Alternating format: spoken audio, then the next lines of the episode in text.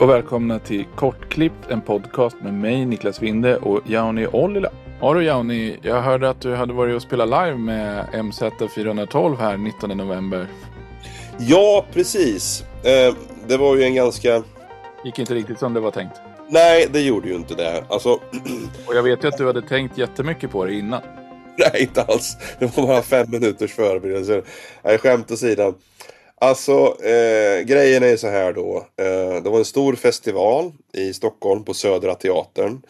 Ett fantastiskt ställe, helt underbar lokal. Eh, du vet den scenen med så här röda plyschstolar eller vad det nu heter. Vad heter det plysch? Jag vet inte vad det heter. Velour, plysch, whatever. Eh, massa guldornament och grejer och ett fantastiskt ställe. Där skulle då vi, MZ412, eh, tillsammans med Colmit Industry eh, band spela under två dagar, 19 och 20 november, en lördag och en söndag. Eh, och det där är ju en väldigt stor grej. Eh, för både mig eh, och de andra i bandet och även de andra artisterna som var där. Så att vi tog det på högsta allvar och tänkte nu ska vi göra någonting som är väldigt unikt och speciellt för den här kvällen.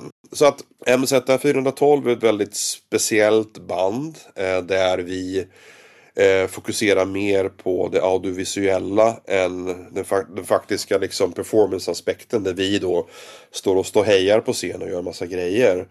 Eh, så att jag har ju skapat då, inte jag, utan jag tillsammans med en god vän, Mattias Verdenskog, eller Slask som vi kallar honom för, har hjälpt till att bygga ett videomaterial som är synkat då till all den musik som vi gör. Och det här är någonting då som man gör i förhand. Vi sitter oss ner och lyssnar på de låtarna som vi ska spela. Några månader innan gigget så bestämmer vi oss för vad som ska köras. Och sen får man då generera och skapa eh, visuellt material till de här låtarna och synka det så det ligger liksom i tid. För att både han och jag är skapta lite grann av samma, i, i samma form kan man säga. Att jag har väldigt svårt för det visuella när det inte synkar och det inte när det kommer ett ljud på scenen, när det händer någonting så vill jag att det ska representeras även visuellt. Eh, så det där har vi jobbat väldigt, väldigt hårt med för att få till då eh, många av de här låtarna. Och eh, det kanske tog två, tre månader ungefär för oss att baka ihop det här. Som tur är så fanns det massvis med material som Mattias hade gjort innan till andra spelningar. Eh, så jag kunde liksom rida lite grann eh, på vågen och använda de bitarna till låtar som redan var klara. Men jag valde då även att eh, försöka göra många av de gamla låtarna vi har gjort på en av våra första plattor, andra skivan, som heter Malfeitor. För att vi skulle kunna spela gammalt material från CMI-tiden. För att få en återkoppling då till festivalen. Så att de gjordes från scratch, flera nya låtar. Och så gjorde vi, eller gjorde vi, jag gjorde då nytt eh, audiovisuellt material då till de här låtarna också. Och då måste man då var ganska klar för sig vad det är för någonting som ska göras, vilka låtar som ska spelas. Jag och Henrik pratade väldigt länge om vilka låtar som ska spelas så att han då kan förbereda sin sång. De ljuden han ska göra på scen till materialet så att vi liksom är synkade där fullt ut vad som ska hända på scen. Så att ja, det tar jävligt lång tid att spela och förbereda en gig med MZ412 helt enkelt. Och när vi kommer dit, det är helt underbart. Fantastiska band som spelar. Ulf från Sepirot, han gjorde enligt mig den absolut bästa spelningen på lördagen. Helt fantastisk gig. På något sätt så har han fått ljustekniken med sig också jobbat med, med ljusinställningen så att när hans visuella material skiftade färg så följde liksom ljustekniken med. Och det var nästan som att det var synkat på något magiskt sätt. Och hans musik är extremt teatralisk och tribal. Så det funkade så jävla bra. Så jag satt och hade gåshud nästan under hela konserten. Och fick lite mindervärdeskomplex. Du vet allt eftersom vi kom närmre och närmre Ordor. Ordor spelade också så vart det ännu ännu högre stämning och ännu högre liksom, nu jävlar ska vi köra med MZ. Och vi hade då förberett då med arrangören att bygga podier på scen. Vi skulle stå, Henrik skulle stå i mitten, jag skulle stå på ena sidan och Jonas skulle stå på andra sidan. Och vi hade våra instrument uppställda på podier och så körde projektionerna på bakväggen och vi hade liksom på oss vita skjortor och svarta slipsar och du vet vita huvud som vi knappt såg igenom men eh, kunde i alla fall göra det jobbet skulle, jobbet skulle göras på scen. Och alla de här förberedelserna då. Eh, vi lyckades spela i hela 14 minuter innan brandlarmet gick. Det var så här helt jävla otroligt. Jag hörde när jag stod där på scen så hörde jag något som rang i vänsterörat. Jag tänkte, vad fan håller Henrik på med? Det här är ett ljud som inte vi gör snabbt. Vad, är det vi alla grejer han spelar? Är det Jonas som spelar någonting? Nej, något, det är något knasigt här. Och så helt plötsligt så kommer scenpersonalen upp och bara drar ner det, det är som en, som en sån här ridå framför scenen som dras ner och så vart vi avsläpade av scenen. Typ att det brinner, det brinner, det brinner. Så vi fick evakuera hela byggnaden. Alla i publiken. Eh, såklart all personal och allting på utsidan. Eh, för det, det hade ju kunnat brunnit. Det, men det gjorde det ju inte. Både tur i oturen. Det var någon eh, individ som hade öppnat någon branddörr och lämnat den på vid gavel så den hade triggat larmet på det sättet. Så att eh, vi fick ju inte spela igen. Men det roliga är att jag läste efteråt och även hörde folk berätta när vi stod och väntade på att bli insläppta. När vi stod, du vet, eh, vid brandbilarna på utsidan. Och jag hade typ en genomsvettig vit t-shirt så jag höll på att frysa ihjäl. Han inte hämtat min jacka. Att folk hade trott liksom, vad fan. Jävlar, de har samplat ett brandlarm här och då typ att You must evacuate the building. You know, there's a fire. Och så på svenska då typ, du måste evakuera. Jävlar vad modigt. Det är någon som kommer att tro det här på riktigt liksom. Innan då poletten trillar ner när de stängde ridån och evakuerade. Att det faktiskt var på riktigt. Så att, jag är sjukt jävla glad att det var falskt alarm. Eh, att ingen kom till skada. Men samtidigt så är jag ju sjukt frustrerad över att bara har fått spelat 14 minuter efter må månader av förberedelser. Så att det var väl en, egentligen någonting som man som artist aldrig kan egentligen förbereda sig på. Utan att man är helt och hållet i händerna på arrangören. Death Disco Productions, Vlad och teamet. Som är så jävla sjukt professionella. Alltså varenda sekund man var där var man välkommen. Man var omhändertagen. Eh, allting som skulle vara på plats var fixat. Vi stod på scenen, hade de byggt podier och de hade liksom dragit sån här fluorescerande tejp runt för att de var ju eleverade en bit från golvet. Eh, och vi hade då huvud på oss som vi inte så, vi såg egentligen. Vi hade typ ledsyn, man kunde styra syntarna med händerna. Men mycket mer än så såg man inte. Så de liksom verkligen se till att det var säkert på scen. Så att eh, man kan inte förbereda sig för en sån katastrof. Men det finns andra katastrofer som man kanske kan förbereda sig för. Men jag tänkte väl gå in lite grann på det. Men det såg ut som att du hade en fråga där också. Eller kanske någon kommentar om kaoset. Ja, men jag tänkte på det i början. Alltså, Södra Teatern var ju eller är ju en ganska specifik byggnad. Och jag för mig nämnde att det var typ sista chansen att se. Ska de stänga den? Ska de... Nej, alltså sista chansen egentligen att se den här typen av line-up det vill säga Cold Mid Industry. Det är skivbolaget som har egentligen haft det största avtrycket, fotavtrycket på industriell musik i, i Europa och världen tror jag.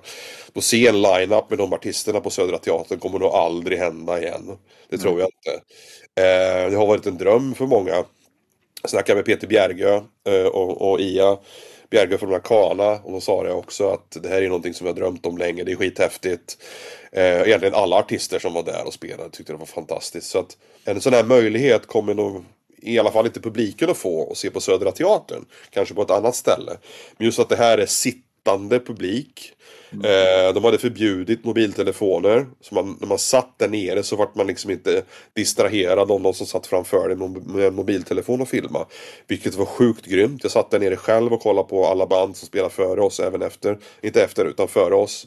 Och det hjälpte faktiskt till med helhetsupplevelsen. För att istället för att leva genom en mobilkamera så lever man i nuet. Och det fick mig att uppskatta banden på ett helt, som jag egentligen sett skitmånga gånger förut. Eh, på ett helt annat sätt. Mm. Så att, nej, det var jävligt, jävligt fränt. Jävligt fränt alltså. Och jag tror nog att eh, Södra Teatern som du säger, det är ett speciellt ställe. Men just att få oss dit igen då, eh, som har line-up, kommer nog inte ske. Nej. Um, en, en teknisk fråga kring um, det här som du sa att du pratade om synka eh, det visuella med ljudet. Spelas det upp från två olika burkar eller är det som en film med ett soundtrack som ni spelar till eller hur gör ni det där? Just för MZ, bra fråga. Det är en grym fråga. Jag har faktiskt tänkt att prata om det i detalj. Eh, just MZ 412 är ju då, precis som du sa, ett, en film med ett soundtrack, det vill säga mastertapen då som är synkat tillsammans som en film. Och det är en massa tekniska problem där då att spela upp någonting eh, på en stor skärm. Eh, jag använder mig av programmet VLC. Med VLC kan man då tala om att den inte ska visa vad, vad själva titelfilen heter när den byter låt. Att den ska vita, nu kommer låt nummer 2, punkt vav låt nummer 3.vav och sådana där saker. Plus att du kan tala om då att du kan ha en extern skärm som projiceringen går på. Och på din skärm som du har på scen eh, som du styr allting med har du liksom playlisten och låtarna. Så du kan styra allting från datorn om någonting, någonting skulle gå snett. Men själva tanken är att göra det här självgående. Så jag skapar en playlist. Utifall jag inte skulle ha möjligheten att köra datorn från scen. För det var också en sån här en, upp, en, en, eh, alltså utmaning vi hade. Jag snackade med Blood och, och, och teamet från Death Disco innan. Typ att jag vill helst köra datorn från scen.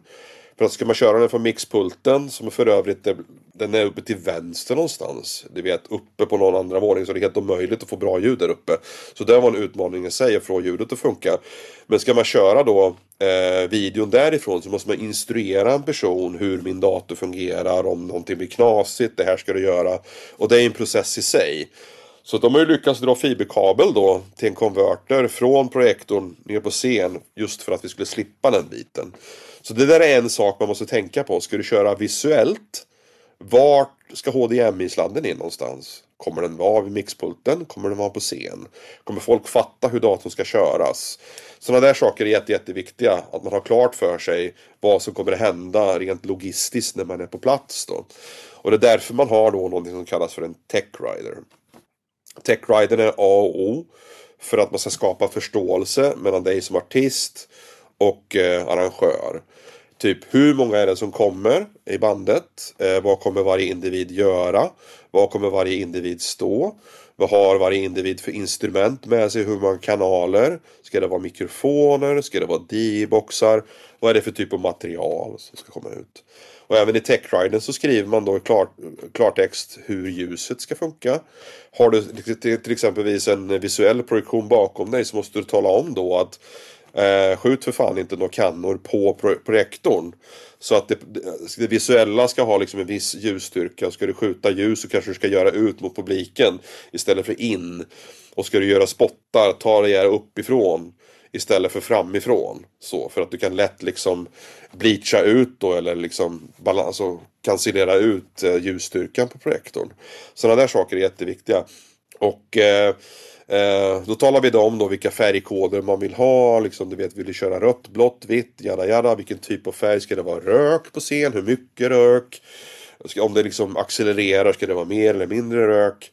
Eh, vi har då som en, som en stående, kör som en dimma på scenen. Så man, när man gör så tunna spottar så blir det som ficklampor som rör sig. Det, det kan vara väldigt snyggt till en projektion också. Och i den här techriden då, det är någonting som de, eh, alltså eh, eh, personerna som jobbar på eventet ska liksom läsa igenom, acka och har de frågor så kan de ställa frågor i god tid innan spelningen händer. Så man inte står där med skägget i brevlådan och bara förväntar sig att saker ska funka. För det kommer aldrig gå vägen då. Eh, Okej okay, om det är en litet gig, typ det är typ en trubadur-tillställning där du har två kanaler ut från dina grejer och så är det klart. Men är det en större event när du har mer än ett ljud som låter från scenen så är en techrider verkligen att föredra. Och där kan man även då ställa krav då på arrangören. Typ att jag behöver ha X, Y, Z. Jag behöver ha podium, trumpodium. Jag behöver ha monitor här, monitor här. Det ska gärna vara två kanaler. Sångaren ska ha lite mer av det där. Du vet, så man har sådana saker klart för sig när man väl kommer dit. Att det inte är en överraskning att det ska vara liksom tre, två, kanske tre kanaler monitor på scen istället för bara en som spelar samma. Och det där är ju liksom allt i förberedelseväg som är viktigt. Framförallt när man spelar en större konstellation eller ett band. Då. Men jag brukar oftast dela upp då de olika typer av gig som jag själv spelade. Alltså med backing track. Det vill säga att du har ett förinspelat band där du spelar till det bandet då. Eh, och det är egentligen det enklaste sättet att göra ett live-gig på. Att du har ett förberett tape som kanske du tar bort vissa element. Du kanske spelar någon syntslinga här och där, kanske spelar någon matta eller om du spelar ett industriband kanske har något oljud som du kör. Som du har tagit bort från tejpen eh, för att liksom skapa en balans då. Att inte göra för mycket ljud än, än, än du, du, du vill göra. Eller så kan du göra ett synkat backing track. Eh, det vill säga där du har då kanske en dator, du kanske Ableton Live, du kanske har en Akai Force eller en Live eller någonting som du har en ljudfil som du har klockat så du kan koppla in syntar till det som spelar i takt med arpeggiators och grejer. Och det är väl, jag tycker att det är, det är det mest komplicerade sättet att göra ett live-gig på. För det finns många grejer som kan gå fel där. För att hamnar det ur synk med materialet så blir det trainwreck direkt. Eh, men det finns en fördel eh, för att man kan skapa mer luft och tid åt sig själv när man jobbar med ett synkat backtrack. Det vill säga att mycket av det materialet som går är förutbestämt. Eh, så det blir väldigt enkelt att skapa lite andrum. Man kan liksom latcha och playa lite grann på scen och kanske byta lite presets och hitta något nytt ljud på någon ny synt för ett nytt parti. På det här sättet skapar man sig mera tid då. Eller som nummer tre, man har helt live, adlib. Det finns inget förinspelat material. Där allting man kör är helt live. Det finns ingenting färdiginspelat då. Och det är väl egentligen, tycker jag, det roligaste sättet att spela live på. För att då händer ju allting i stunden. Så all musik som du gör skapas i det ögonblicket. Och där har du som mest möjlighet att styra din musik baserat på hur publiken reagerar också. Det är väl egentligen eh, så som jag har spelat mest med Burg är den här liksom helt live. Jag har plockat med mig ett gäng instrument. Eh, jag har förberett låtar innan som jag övat på hemma. Och har egentligen satt mig ner, kört mitt liveset från början till slut.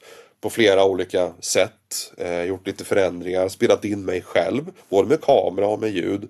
Så jag har tittat liksom på mig själv. Hur, hur funkar det här? Eh, hur, hur känns musiken? Hur, hur liksom, eh, behöver jag ändra någonting? Behöver jag liksom tänka på något annat sätt när jag väl kommer till spelstället? Och jag vet inte om du har tänkt på det själv någon gång när du har sett någon artist live. Hur de, hur de har gjort de här olika sakerna. Om du har känt liksom att det är i alla fall, just när du tittar på en artist, hur uppskattar du spelningen? Är det för att de rör sig, för att de dansar mycket eller för att musiken har ett speciellt material? Vad är det du, vad är det du går igång på när du, när du ser ett live-gig? Jag, jag, satt och, ja, jag satt och tänkte på det nu när du, när du pratade om det, vad jag har sett för live-gig och vad jag har tyckt om. Jag har sett, jag, alltså från 242 spelade ju ganska nyligen eh, och jag har tittat lite på bildklipp från den. Så att om jag tänker tillbaka på sådana konserter så har jag ju sett ett antal stora och då har det ju varit typ Frontline och, och lite sådana. Och då har det ju varit väldigt mycket förinspelat. De har ju enormt mycket samplingar och sådär. Och sen har de kanske haft någon syntrigg på scen de har stått och petat lite på och så kanske ett par trummor för det görs ju alltid. Att stå och slå på trummor. Precis.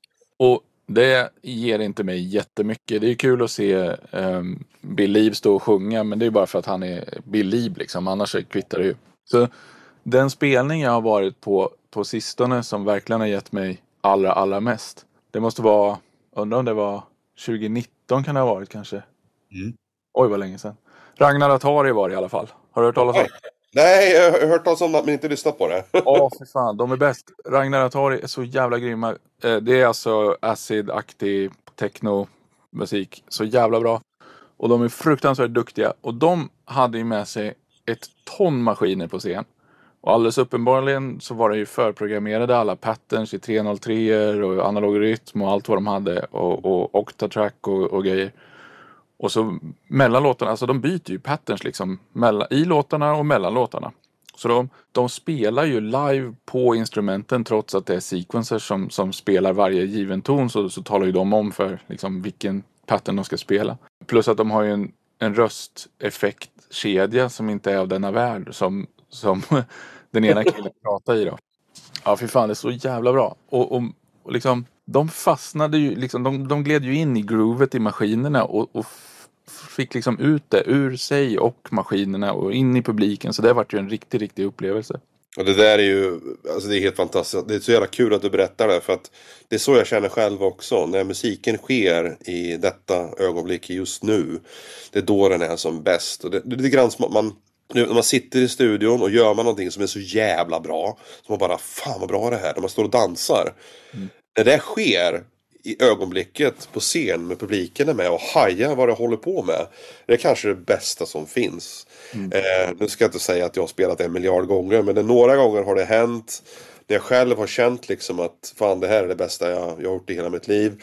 Och man står där på dansgolv, man vill inte att det ska ta slut liksom. Alltså har man då sina instrument, eh, man har sina patterns, sådana grejer färdigt så kan man liksom styra publiken med instrumenten. Du vet, man kan Nej men nu kan jag skruva på något filter här, nu kan jag dra till något ljud här. Du vet, så kan man få folk att reagera på de ljuden som du gör live. Det är så jävla häftigt där. Ja. Eh, det är så här klassiskt, du vet, mitt i natten-gig då, för det ska verkligen funka på ett bra sätt. Men jag känner då att när det är ett DJ-set, det vill säga när du spelar back-to-back -back med någon discjockey eller på något dansgolv någonstans, där du egentligen inte är där som, du vet, som en artist på en spelning eh, som har annonserats som ett gig liksom med flera artister som spelar efter varandra utan som ett DJ-sättning. Det är nästan det häftigaste tror jag. Eh, och det är väl en grej som jag vill berätta också om att när man spelar ett DJ-set med, med live-instrument då på en kväll. Eh, en sak, en teknisk grej som jag tror väldigt, väldigt få människor har tänkt på. Det är att när man väl kommer ut på ett sånt ställe så kommer du låta mycket lägre än den musiken som discjockeyn spelar. Just för att de kommer dit med färdigmasat material, komprimerat, du vet, allt är skitsnyggt proddat. Kör mp3-or eller WAV-filer eller någonting och det kommer låta så jävla tight och så jävla snyggt. Så kommer du dit med dina live-grejer och kopplar in typ två line ut. Det kanske är någon tekniker som inte, som aldrig har mixat, du vet, ett liveset förut som bara, vadå, nivåbas och EQ, ska du inte droppa basen liksom? Så du måste förbereda ditt material till mycket mer på ett mycket mer sofistikerat sätt. Eh, det absolut bästa det är ju att ha någon form av kompressor eller limiter, typ real knife, så real nice kompressor eller limiter med dig ut så du kan trycka ihop ditt material innan det går ut. Eller så får du vara väldigt noga med hur du arbetar med, med kick och bas och low-end och sånt där. För ju, ju mer low-end du har i ditt material desto mindre headroom kommer du få kvar över. Så det kommer låta väldigt basigt och väldigt lågt. Eh, så det är väldigt viktigt att du balanserar upp EQn och lyssnar ordentligt med det materialet när du soundcheckar. Be diskjocken spela något material stenhårt. Spelar du ditt material stenhårt och lyssnar har det samma nivå liksom. Så för bara höja volymen så kommer det slå på rött och så kommer det dista liksom. Det vill man inte ska hända. Och det där är någonting som tog mig ett par tre gig jag fattar liksom. Vad fan i helvete vad lågt det låter. Vad, vad beror det här på? Eh, så att väldigt, väldigt viktigt. Eh, och då när man tittar liksom på på vad heter det, eh, livegiggen också som jag själv känner när man spelar på dansställen att tiden, jag tror jag har sagt det här förut, att tiden går mycket långsammare på scen än vad den gör i ditt huvud. Så du kan ta dig mer tid och hitta eh, transitions för att byta till nästa rad, hitta nya ljud. Du kan lätt gå ett par, tre takter liksom utan att folk reagerar på vad det är som händer. För de, är de i trans, de gillar din musik så kan det liksom ta dig tid för att hitta en ny, ny drop eller någon ny liksom grej du ska lägga på ovanpå. Så att, eh, folk ser det väldigt tydligt när du har roligt och när du är stressad. Jag såg ett gig jag tipsade dig faktiskt det om häromdagen. Emom, vi tittar på en snubbe som spelar med någon, nu kommer jag inte ihåg, var det Polyend Tracker eller va? Polyend scen. Precis, och han skulle mellan låten skulle han byta till nästa låt och den där jäveln var ju så seg så det tog en evighet innan han fick in nästa låt. Så han stod ut och ursäktade sig, sorry, sorry.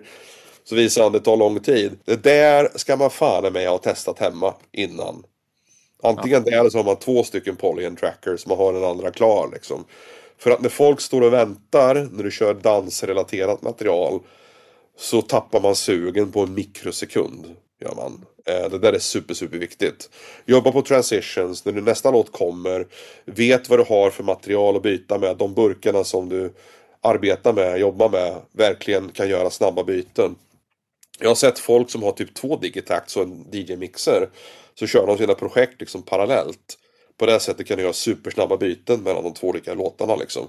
Det är ju en drömsetup eh, faktiskt att jobba på det sättet. Men tänk på din venue där du ska spela. Vad är det för publik?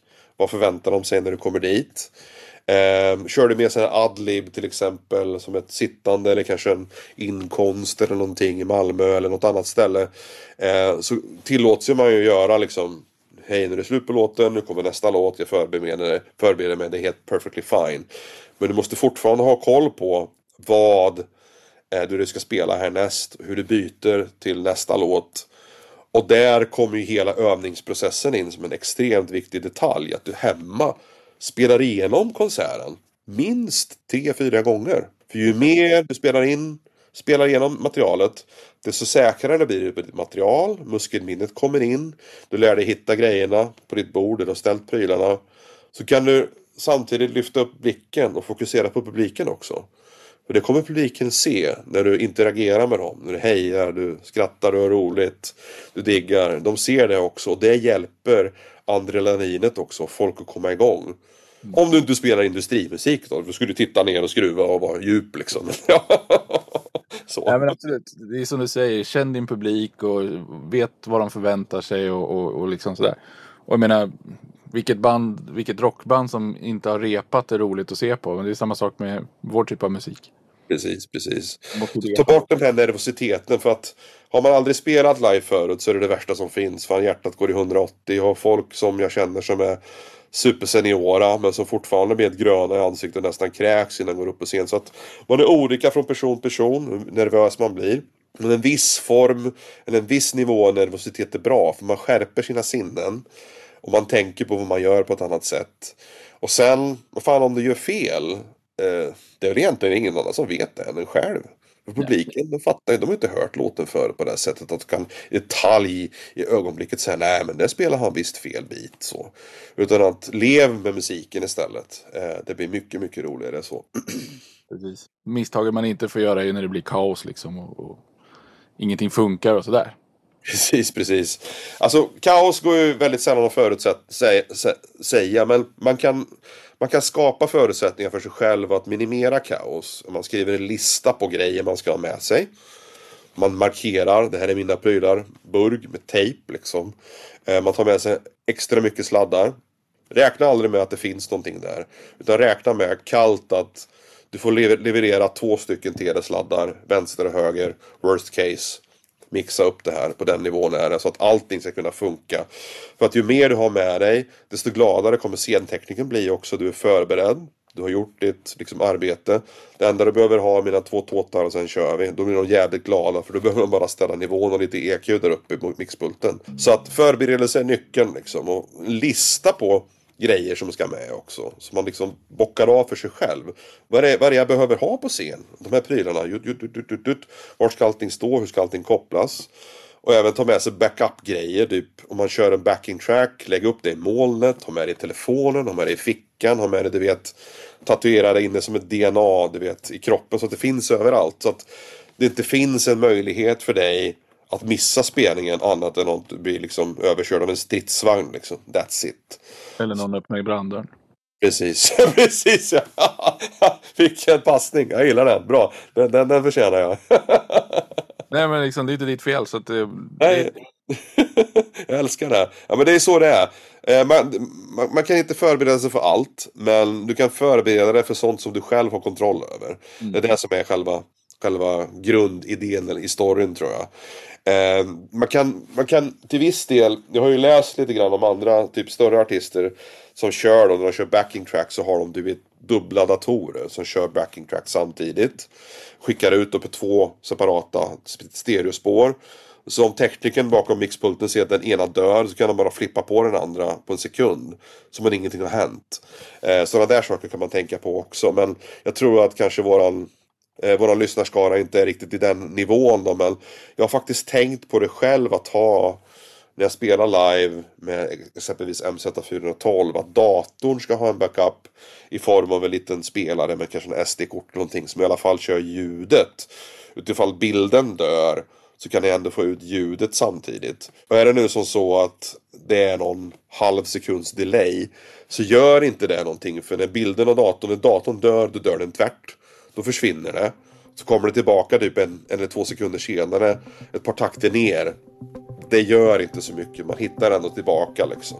Så, så att det kan rädda en från katastrofer. Grymt. Ja, som vanligt Johnny, det är massor med matnyttiga tips. Jag hoppas att eh, alla kan ha nytta av något av det du har sagt i alla fall. Ja, jag hoppas det också.